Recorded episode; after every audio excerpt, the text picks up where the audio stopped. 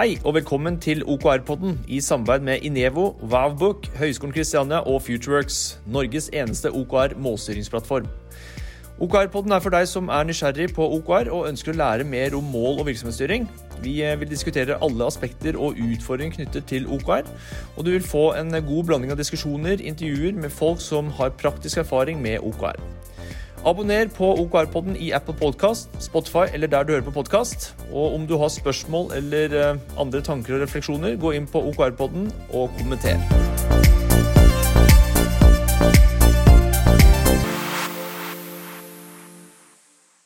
Da ønsker jeg velkommen til OKR-podden, podden for deg som er nysgjerrig på målstyring og OKR.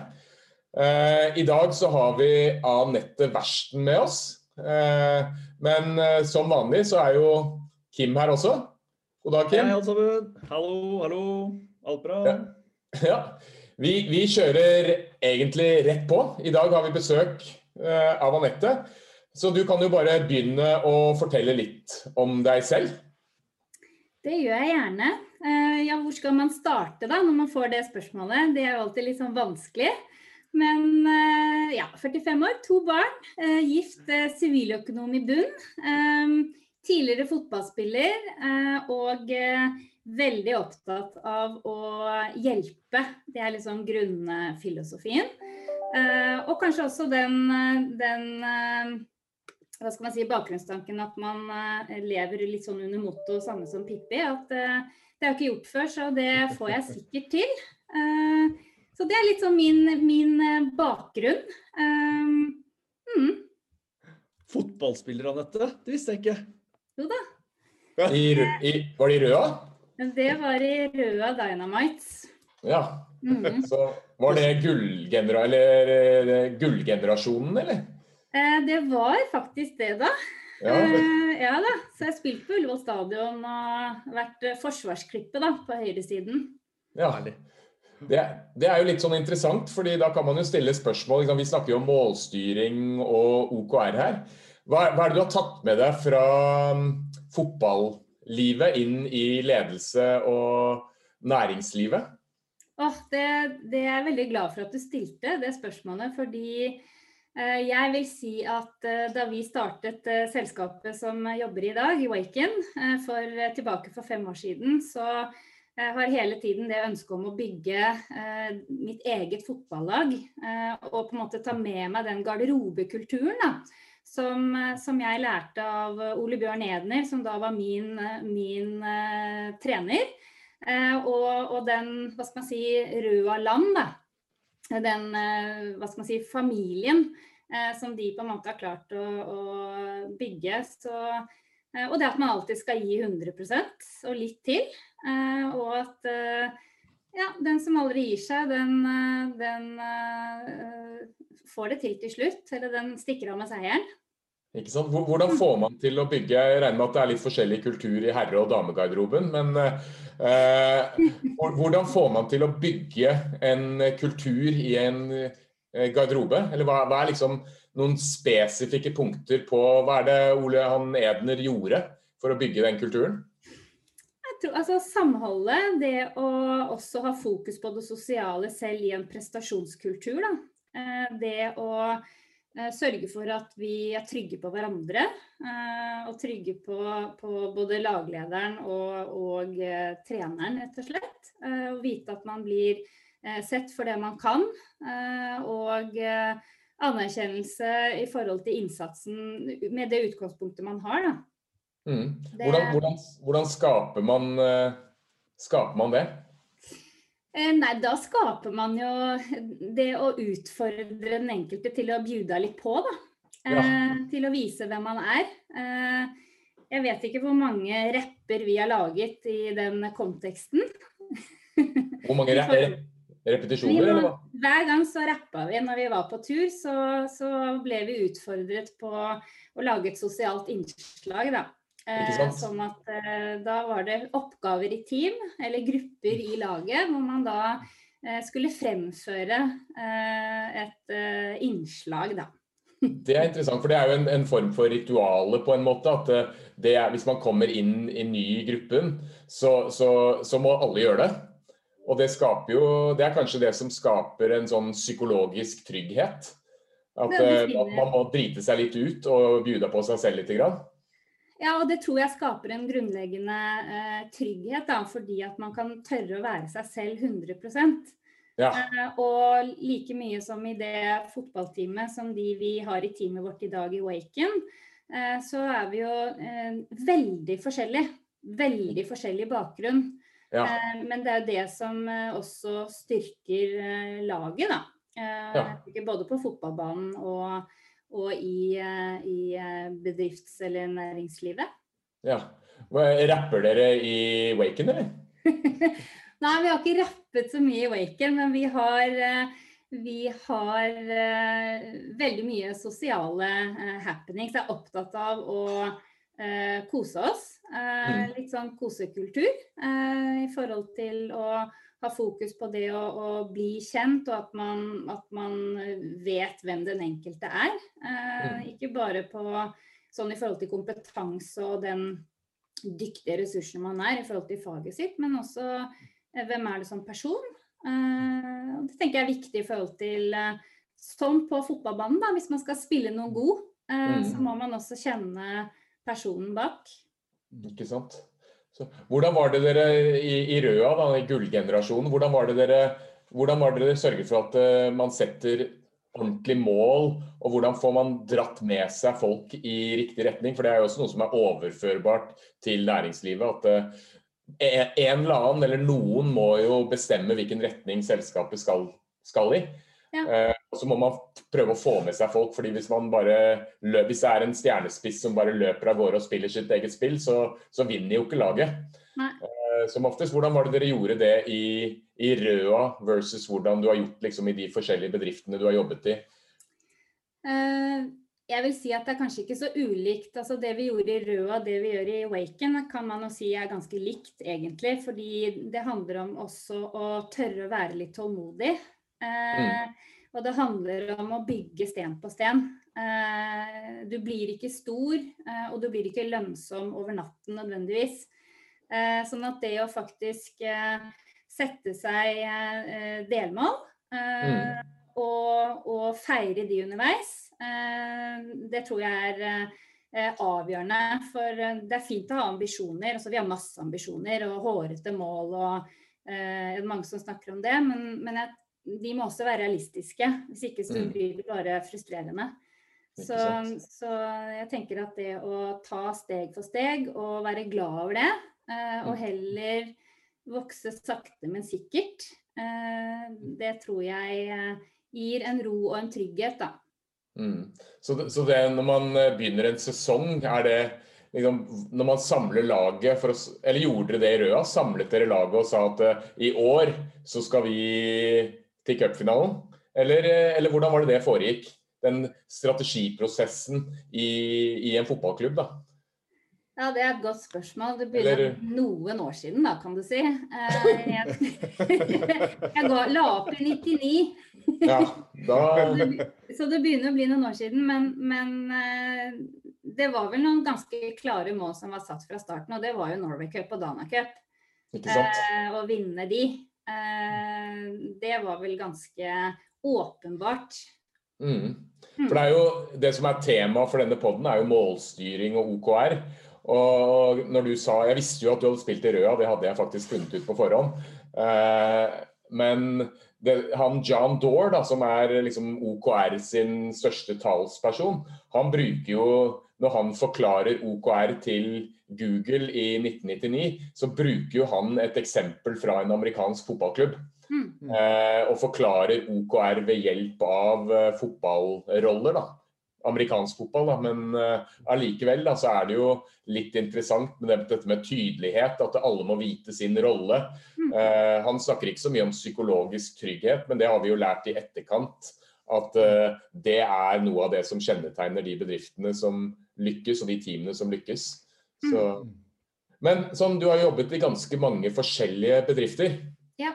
Eh, hvis man skal gå igjennom, jeg trenger ikke å gå i detalj, men hva har du liksom dratt med deg fra de ulike bedriftene av ting som er verdt å dra med seg? Mm. For du har jo vært innom liksom, i gamle dager på 90-tallet med fotball. Så har du jo dratt med deg noe derfra, men så har du jo vært igjennom et par andre selskaper. Og så har du fått noen inntrykk som har formet deg.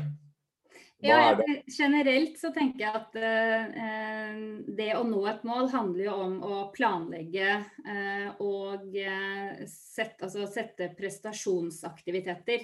Mm. Eh, og jeg vil jo si jeg har jo vært i både altså, stort bankfinanskonsern og også stort eller to store software-selskaper eller konsulentselskaper før, før jeg startet dette selskapet i 2015.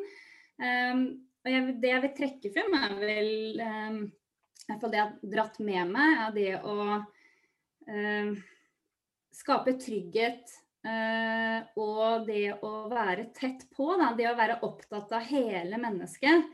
Jeg hadde en sjef da jeg jobbet i, uh, i DNB som hadde veldig god dialog med. Eh, som hadde, turte liksom å ta disse like turte, men, men tok den én-til-én-praten, eh, var tett på. Eh, sørget for at eh, han hadde oversikt over hva eh, jeg som ressurs da, eh, kunne, slik at jeg kunne bygge opp under de målsetningene man hadde. Så jeg tror at Som leder så er det viktig at man, man er tett på, og at man engasjerer seg i den enkelte ansatte. Eh, og at man faktisk også involverer. Eh, for det er jo tross alt eh, de ansatte som jobber i selskapet som er gullet. Og hvis man ikke behandler gullet bra, så vil det heller ikke skinne.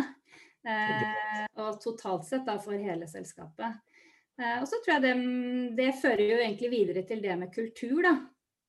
Og jeg skal ikke dra opp den gamle slogan med kultur og, og, frokost. Den skal jeg ikke ta.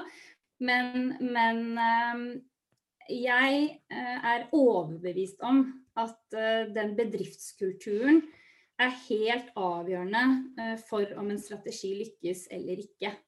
Mm. og det tror jeg det er mange med meg også, men det er litt ulikt hvordan man utøver det, da. Det, det syns ja, jeg er veldig interessant. Du nevnte jo dette med én-til-én-samtaler og sånn. Og Det tror jeg også er veldig viktig, men det jeg er usikker på, er hvor ofte eh, skal man ta én-til-én-samtaler, og hvor mye skal man sette det i system versus det at man bare Sånn som du sa om fotballbanen, da var det ikke noe sånn tydelig strategisamling i begynnelsen av året. fordi dere hadde bare vinne Dana Cup og vinne Norway Cup. Det var enkelt å huske. Du trenger ikke å ha en samling for å bli enige om det. Nei. men hvor ofte mener du at man bør kjøre én-til-én-samtaler? Det er veldig individuelt. Eh, for du, kan, kan putte, du, kan ikke tre det ned i en boks at nå kjører vi én til én uh, ukentlig. For det er ikke alle som trenger å ha det ukentlig. Nei. sånn at det er veldig individuelt, og det må avtales med den enkelte, rett og slett. Ikke sant? noen har jo mer behov for å få en retning altså mot det målet, da. og anerkjennelse på har jeg tenkt riktig? Eh, hva kan jeg gjøre annerledes? Eh, litt sånn guidance på veien, egentlig. Og det er veldig forskjellig fra person til person. Hva, hvor ligger spennet da? Hvor ligger det? Liksom, noen trenger det ukentlig, noen trenger det en gang i året, eller er det Nei, jeg vil si en gang i året er jo litt vel uh, sjelden. Uh, ja. Men det er jo alt fra ukentlig til månedlig. Jeg tenker jo at én gang i måneden eh, bør man jo. Og så er det ofte sånn at eh, i hvert fall for meg så handler jo ledelse om å være til stede. Mm. og da handler det om å ha den dialogen litt sånn løpende med de ansatte. Du trenger ikke å ha satt opp et møte for å, for å finne ut av hvordan går det. hvordan ligger du an. Ikke sant. Mm. Hvor ofte var det du hadde sånn du, da du jobba i DNB? Eller er det, husker du ikke? Eh, ikke strukturert på den måten. Det var mer Nei. den løpende dialogen. Ja. ja. Men jeg tror den er viktigere enn det veldig strukturerte. Ja, det tror jeg også. Struktur må vi ha, men, eh, men jeg tror den løpende dialogen er det aller, aller viktigste. Mm. Mm. Men eh, Anette, når dere kjører én-til-én-samtaler, eh, hvordan, eh, hvordan gjør dere det i disse tider?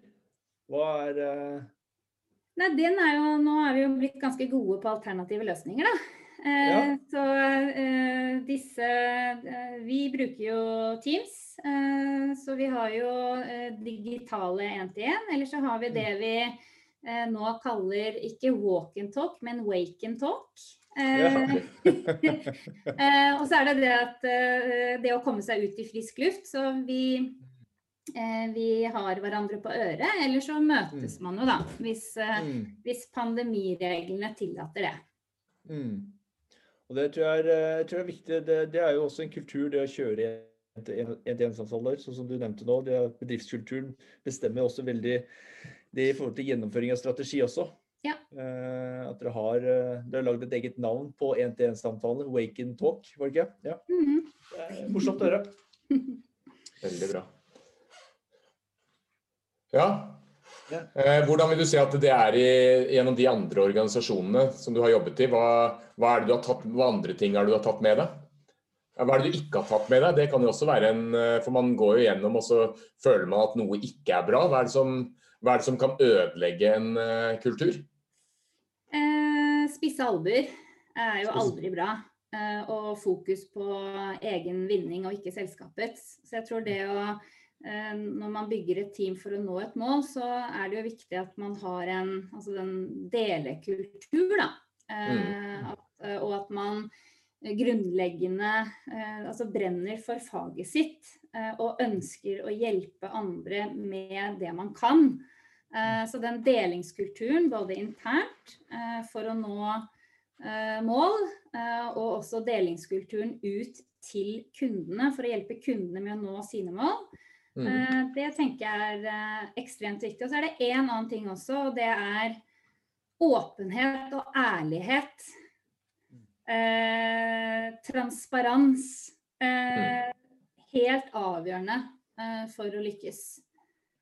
Eh, ja, hvordan vil du liksom forklare transparens? Hva er det dere gjør i hverdagen som gjør at du kan si at dere er transparente?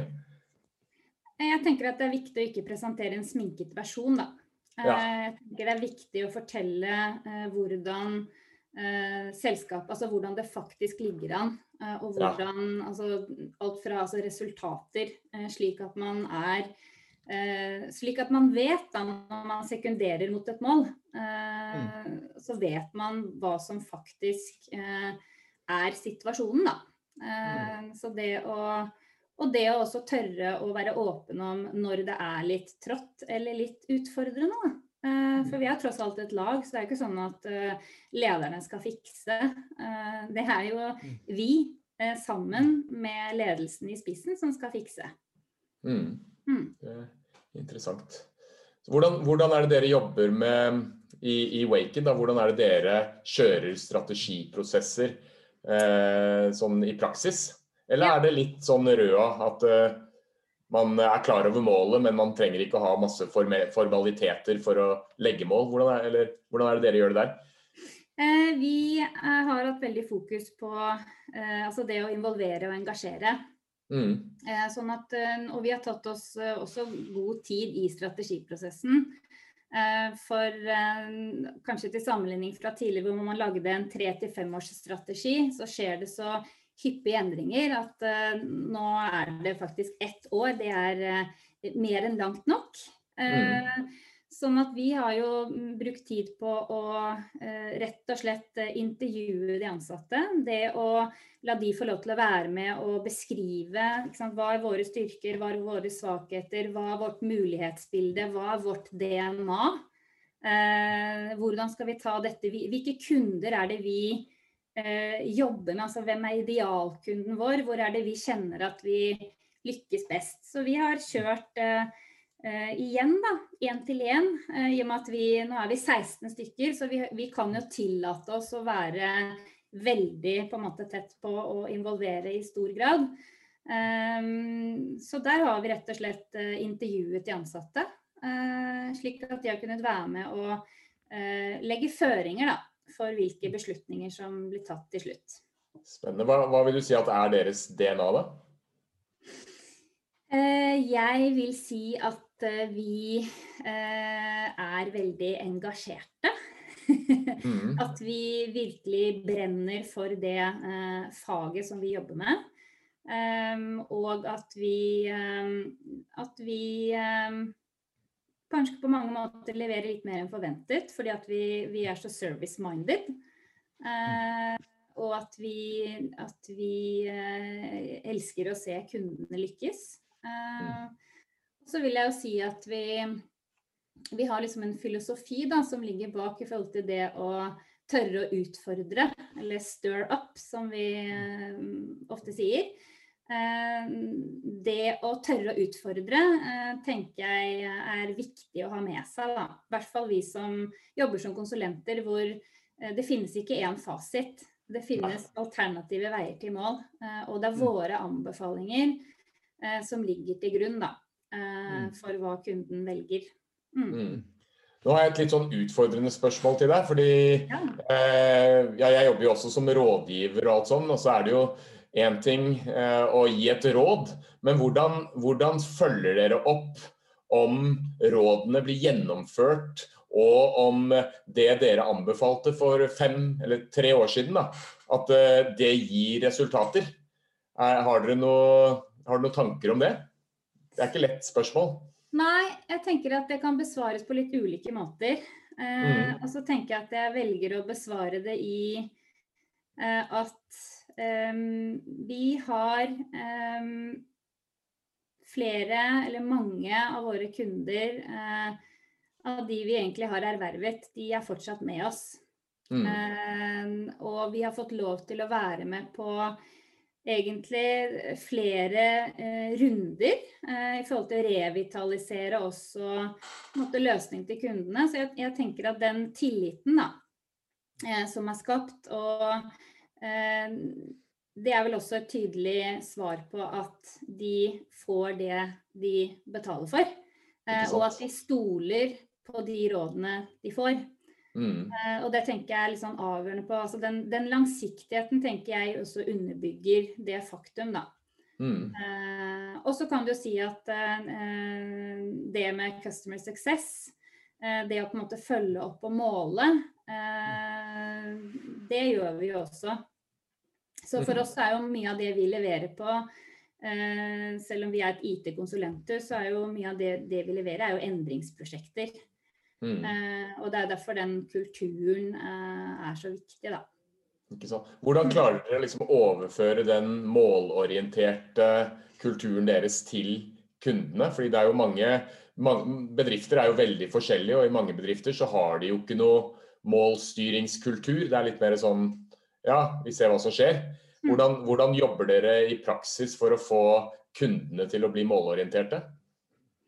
Eh, vi gjør egentlig litt det samme som altså prøver å gjøre det samme på dem som vi gjør på oss selv, da. Ja, ja og, og, involvere de ansatte.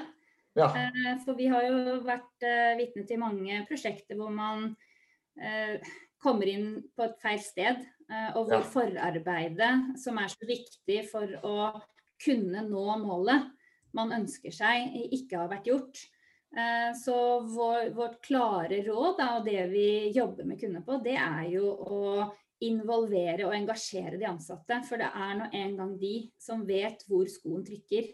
Mm. Eh, de snakker med kundene, de vet hva kundene er opptatt av. Eh, og de vet også eventuelt hvilken systemstøtte de trenger for at de skal kunne lykkes.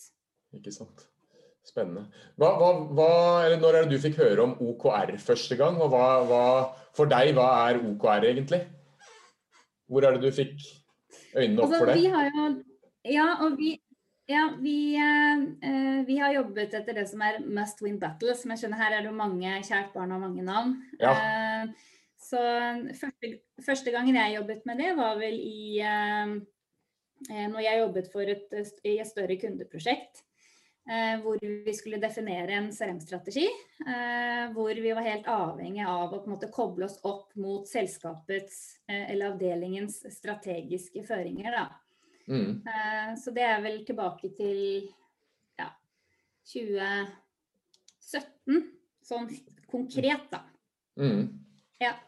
Det er interessant. Og da, must win battles, det er jo som du sier at det er kjært barn har mange navn. Og det er jo noen som jobber med strategiske prosjekter. og Det kan jo mm. kanskje sammenlignes med must win battles. Men, men du har jo vist en sånn interesse for OKR. Hva, hvis du skulle forklart OKR til, til mannen din, da, eller til moren din, hva ville du sagt at OKR var? Det er jo da også sånn, det er et godt spørsmål, men jeg ville sagt at, eh, at det er en, eh, en, metode eh, for å sikre at man når det målet man har satt seg. Det er veldig ja. sånn enkelt. Jeg liker å være litt enkel i tilnærmingen. Men jeg vil si Ikke sant.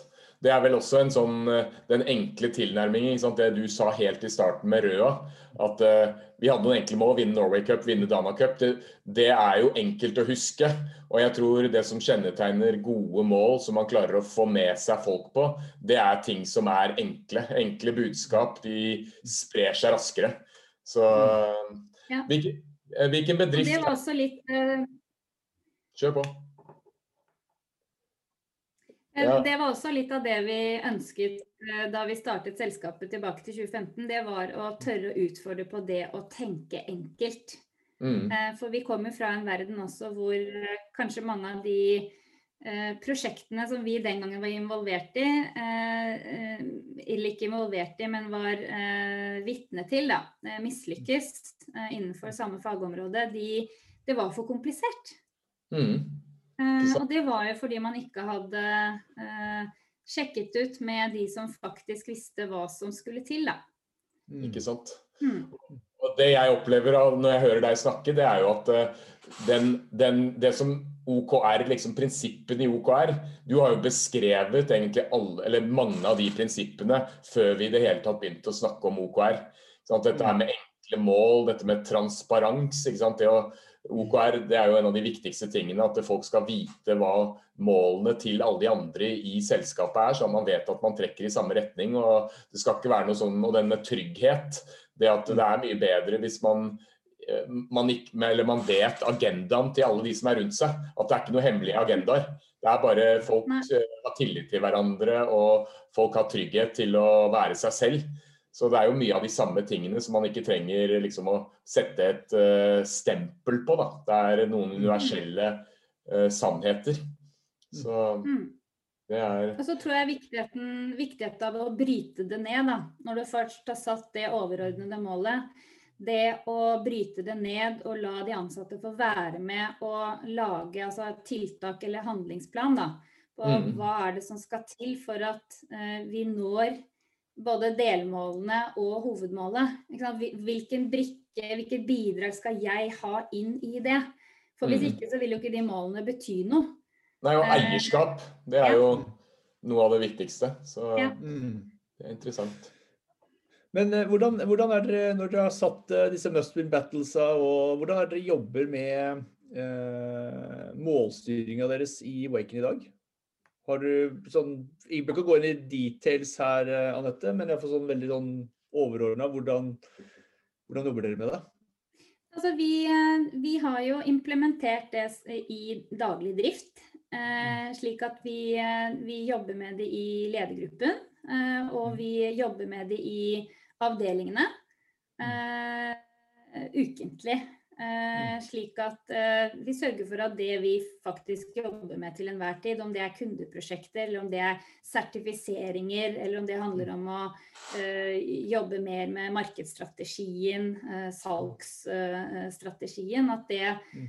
henger sammen. da. Eh, sånn at den jobbes eh, den jobber vi med egentlig løpende. For oss er, det er jo mm. egentlig en sånn kontinuerlig forbedringsprosess, eh, egentlig. Mm. Så, og så har vi jo Vi gikk jo fra å bruke Excel og Powerpoint, da. Så mitt hjerte ble jo veldig glad når jeg ble introdusert for FutureWorks, som faktisk kunne hjelpe til med å digitalisere den oppfølgingen. Eh, slik at det ikke er eh, Eller slik at det er sånn at eh, hver og en faktisk kan oppdatere og bidra til at vi får oversikt over eh, måloppnåelse, da. Mm.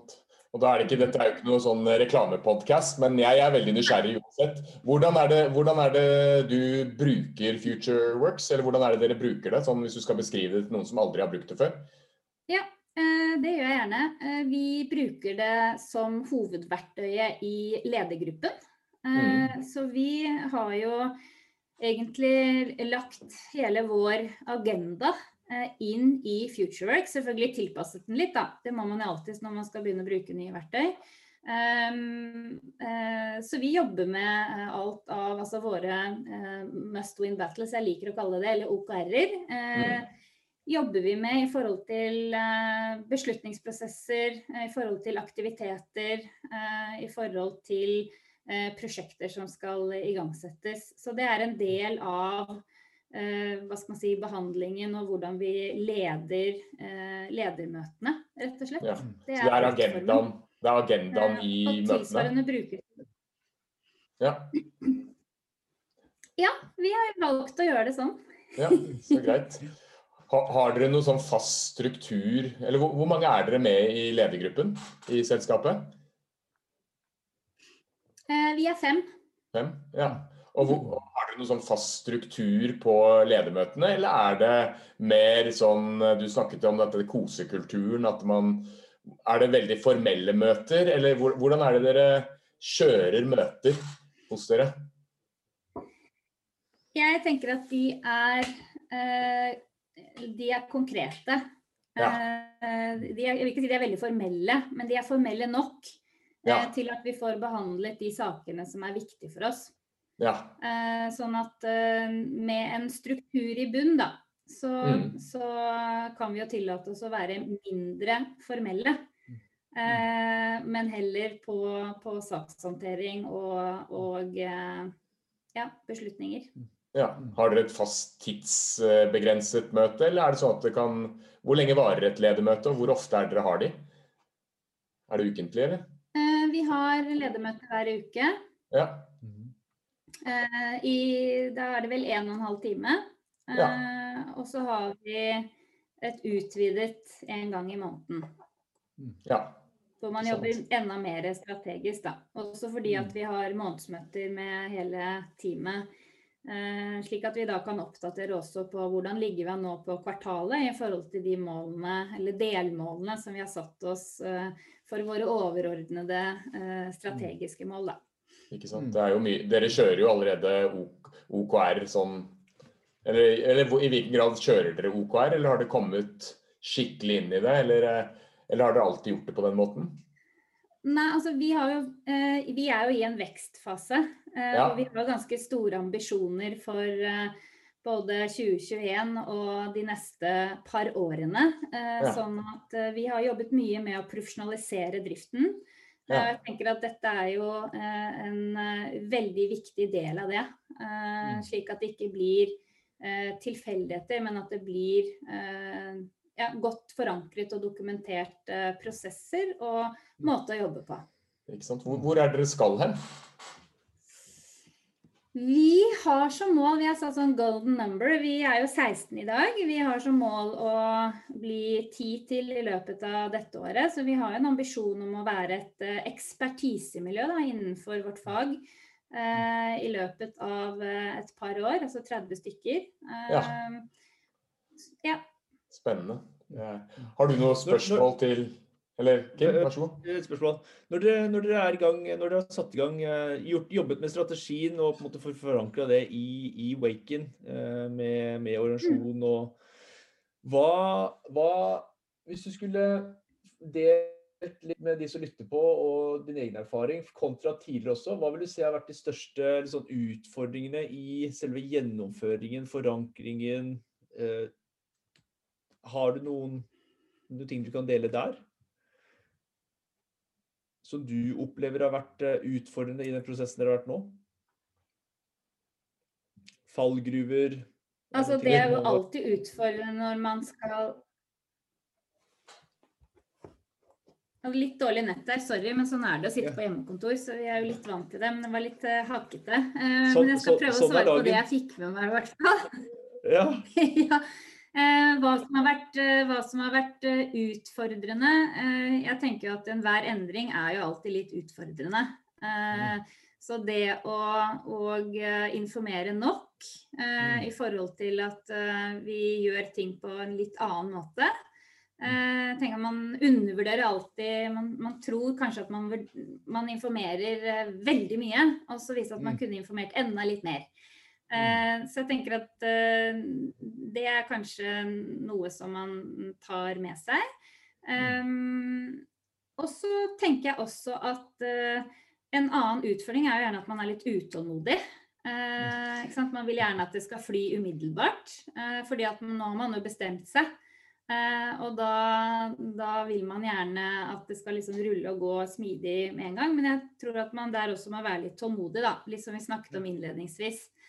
At man må tillate seg å bruke litt tid. Eh, for hvis ikke så blir det mer pain enn det blir eh, gain, da. Ikke sant. Kan, kan man informere for mye? Nei. Nei, nei. nei jeg, jeg, jeg syns det er veldig Jeg leste en sak her eh, fra Amazon. og Sjefen i Amazon han mener jo at kommunikasjon og informasjon det er et tegn på en dysfunksjonell organisasjon. Og, og, jeg ble litt sånn interessert i det, fordi jeg, jeg, i utgangspunktet så var jeg uenig. Men hvis man tar det mm. sammenligningen med liksom fotballspillere som, eller et fotballag som funker, så er det jo mye skriking og mm. hoiing på fotballbanen. Men de beste lagene de kjenner hverandre så godt at de, de trenger ikke å mm. snakke sammen for å, å spille godt sammen. Eller de trenger ikke å eh, De kjenner hverandre, og de ser hvordan eh, Man ja, vet hvor personen skal løpe. Så Sånn mm. sett så kan man jo argumentere for at uh, man trenger ikke å snakke så mye for å, å spille godt sammen. Mm. Og jeg, jeg, jeg, jeg, kan jo dele Eller jeg, tenker at uh, jeg, kan være, jeg kan være delvis enig. Mm. Uh, og så tenker jeg at det som er viktig, i hvert fall da, er at den førstegangsinformasjonen eh, gjør at man vet eh, Altså at man ikke stiller spørsmål til grunnlaget, da. Mm. Eh, at det er forutsigbart nok mm. til at man faktisk eh, eh, etter hvert når man kjenner hverandre så godt, da, og der er jo den kulturen viktig, mm. så vet man hvordan den andre vil ha det eh, hvordan den andre vil reagere. Eh, det, men det må man jo opparbeide seg eh, erfaring på også. Så jeg mm. tenker at eh, Og så er det også sånn at ting forandrer seg. Mm. Uh, og i, i, en organisasjon så må man jo også Det er, det er ikke svart-hvitt. Uh, sånn at uh, når forutsetningene endrer seg, så er det jo også viktig å ha den kommunikasjonen, da. Men ja, mm. mye kan jo leses med kroppsspråk og blikk og eh, Men nå er det sånn at nå er vi jo ikke veldig mange som sitter i samme rom, da. Nei. Eh, så, så, den eh, så den samhandlingen og kommunikasjonen og den flyten, altså informasjon som vanligvis ville flytt rundt i rommet, som hadde kunnet bidra til at man jobbet kanskje enda mer effektivt, mm. den er jo ikke der på samme måten lenger. Nei, så det, det, man misser en del av de tingene som eh, man snakker om ved kaffeautomaten eller når man bumper borti hverandre på kontoret. Det forsvinner jo litt. Så, men jeg tror det du sier, liksom det med at ja, at, at, man kjenner hverandre godt, det har jo noe med at uh, man har de, Hvis man vet om de grunnleggende verdiene til de man jobber med, så, og i utgangspunktet vil hverandre godt, så, så, tror jeg man tilpasser seg litt sånn Hvis det er uklare meldinger og sånn, så tolker man det i beste eh, mening. Og da unngår man en del misforståelser, og man klarer å gjennomføre ting uten å være for detaljert om hva man ønsker å gjøre. Mm. Så, mm. men hva var det du skulle si? Nå begynner vi å nærme oss slutten her, så kanskje du har lyst til å oppsummere, eller? Ja, altså jeg, jeg um, har jo alltid mye på hjertet. Uh, nei, jeg bare tenker at de, for de som ikke har uh, gått inn i det med OKR-er og must win battles, så tenker jeg at uh, det burde man gjøre. og det er en befrielse i forhold til å ha fokus på målet, rett og slett. sånn at jeg vil jo anbefale å å sette i gang med det hvis man ikke har gjort det. Og, og tørre å involvere og engasjere de ansatte. fordi at da er du ferdig forankret også når strategien faktisk legges på bordet. Da. Mm. da er det ingen som stiller spørsmål til men hvorfor gjorde vi det? De skjønner ikke det. Men da er alle med. Ja. Anette, du er en eh, Før jeg møtte deg, så har du en fantastisk personlighet. Både masse energi og en, eh, og en kraft og en gjennomfører, en tydelighet og et blikk i ansiktet som, eh, som er helt fantastisk. Så det skal du det skal du bare ha med deg. Men hva er den siste boka du har lest? Ah, eh, godt spørsmål. Eh... Eller har du en favorittbok, da? Jeg er jo ikke den som leser mest. Jeg liker, å være, jeg liker å være in action. Jeg tror jeg ble forsynt etter at jeg var ferdig på BI. Så, ja. Men jeg er litt sånn som er, jeg liker å orientere meg rundt. Så jeg leser egentlig mest på, uh, på digitale flater. Uh, ja, ja. Og så liker jeg gjerne å snakke med andre om den boka de har lest. Eh, for da kan de, da kan de fortelle meg eh, hva som var bra med den boka, og så kan jeg bruke det. Eh, jeg, ja, jeg, er veldig glad i det å lære av andre, da. Det er det beste jeg vet. Ja. Ja. Da, har jeg en perfekt, en perfekt app til deg uh, som, er, uh, som, heter Headway. Headaway, tror jeg den heter. Som er en oppsummering av masse, masse bøker. Uh, lengden på en bok er 15 minutter ca.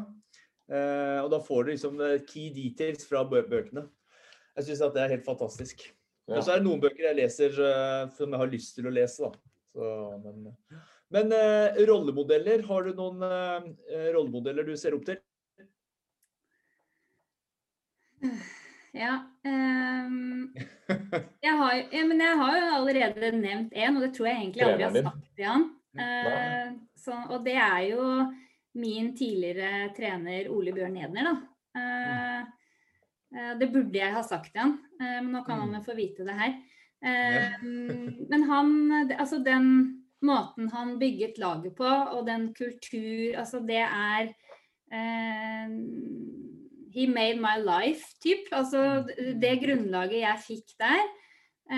og måten man ble sett på og sånn, det, det, er jeg ekstremt takknemlig for. Vi er jo fortsatt det samme fotballaget som drar på mm. tur, uh, og mm. som de, får sikkert litt panikk når jeg sier det nå, men vi rapper jo fortsatt, vi. Bare ikke i offentligheten. Uh, har du en nå, eller, Anette? Hva? Nei.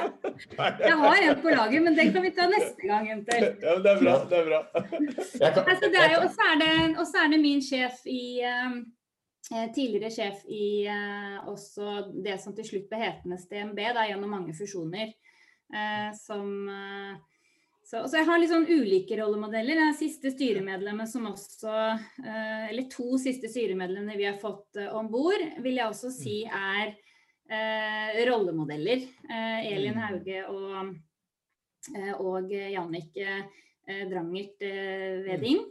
Um, og også en siste som jeg tenker eh, som jeg har ekstremt stor respekt for, eh, som også er mye av årsaken til at jeg får lov til å sitte her, eh, og mm. til at jeg fikk muligheten til å eh, sammen med min, eh, min, partner in crime, Kristine Tjenes, Kjennes, etablere dette selskapet. Det er jo Jon Arman Bakke. Eh, som, som har på en måte hele tiden hatt som tro da, og bygget meg opp og støttet meg. Eh, og det gjør han med så mange andre også. Mm. Mm. Så den genuintheten da, og ønsket om å på en måte hjelpe og sikre at andre lykkes, noe mm. som jeg også ønsker på en måte å veldig gjerne å være. Da. Jeg liker å se andre lykkes. Uh, det ser jeg virkelig opp til. Mm. Da, da, da, vil jeg gjerne gi deg et tips. At, jeg vet ikke om du har hørt om en kar som heter Bill Campbell? Har du hørt om han? Han, han var jo fotballtrener, og han måtte jo dø for at uh, folk som uh, han hadde hjulpet, skulle skrive en bok om alt det han gjorde. Og han er jo coachen til Han, han lykkes ikke så veldig godt på idrettsbanen, men pga. at han hadde nettopp de der myke verdiene han, han, klarte ikke å sette ut en spiller, for han For, for, han ville at alle skulle lykkes. Mm. Så det han hadde på idrettsbanen, det fungerte ikke så mye, men det fungerte ekstremt godt i teknologiverden. Og han var jo coachen til Steve, nei, Steve Jobs og Google-gründerne. og så den, Han kalles jo bare 'trillion dollar coach', fordi han mm. coachet så mange mennesker og hjalp så mange mennesker. Mm. Så det kan Hvis det er en bok som du skal se, så er det den 'Trillion Dollar Coach'-boken. Den er kjempefin. Da, da, må jeg jo nesten det, fordi er det noen av dere som har lest den? Jeg kan ikke spørre ja. ja. Nei, vi, kan, vi, kan, snakke om det. Jeg kan, jeg kan, gi, deg en, jeg kan gi deg en full oppdatering. Jeg. Eh, for den er jo veldig interessant å snakke med en som har vært eh, toppidrettsutøver også. Så, og har den ledererfaringen du har. Så, men nå tror jeg vi nesten må avslutte. Så eh, da ønsker jeg Eller hvor kan folk få tak i deg hvis de trenger å, ønsker å ta kontakt med deg? Oh, det er uh, på Anette med én N og to T-er. Den har jeg sagt mange ganger. At waken.no. W-A-K-E-N. Ja. Eller gå på LinkedIn og søk. Eller gå på LinkedIn og søk. Da takker vi for i dag. Kim, final last words? Jeg eh, satt og tenkte litt på det, og hvis vi skulle tatt en veldig kort oppsummering Jeg tenker jo at uh, det som vi har snakket om her nå, det er jo mye bedriftskultur. Uh, bedriftskultur bestemmer også gjennomføringen av strategien. Og strategien gir jo da tilgang til å sette tydelige must win battles, eller OKR-er, eller ambisjoner, intensjoner. Med kjært barn, mange navn. og det å ha en åpenhet og en transparenthet hvor du engasjerer og involverer organisasjonen din i en prosess for uh, selskapet uh, er avgjørende for å lykkes med både målstyringen og strategien som på en måte er satt av selskapet. Uh, vil jeg si er kanskje de oppsummeringene som Anette har delt med oss i dag. Og for de er dere som ikke har, følger OKR-podden i dag, gå inn på okrpodden.no og lik oss eller følg oss. Og så hvis dere har noen spørsmål, strekk ut en hånd til enten meg eller Philip. Eh, så kan vi eventuelt ta de spørsmålene også på den podkasten her. Eventuelt om du ønsker å bli intervjuet av oss. Så med det så overlater jeg ordet til deg, Philip. Ja, takk for i dag. Ha det. OKR-podden er gjort mulig av Inevo, Wowbook og Futureworks, Norges eneste OKR-plattform som hjelper deg med å sette fart på innovasjon, utvikling og vekst.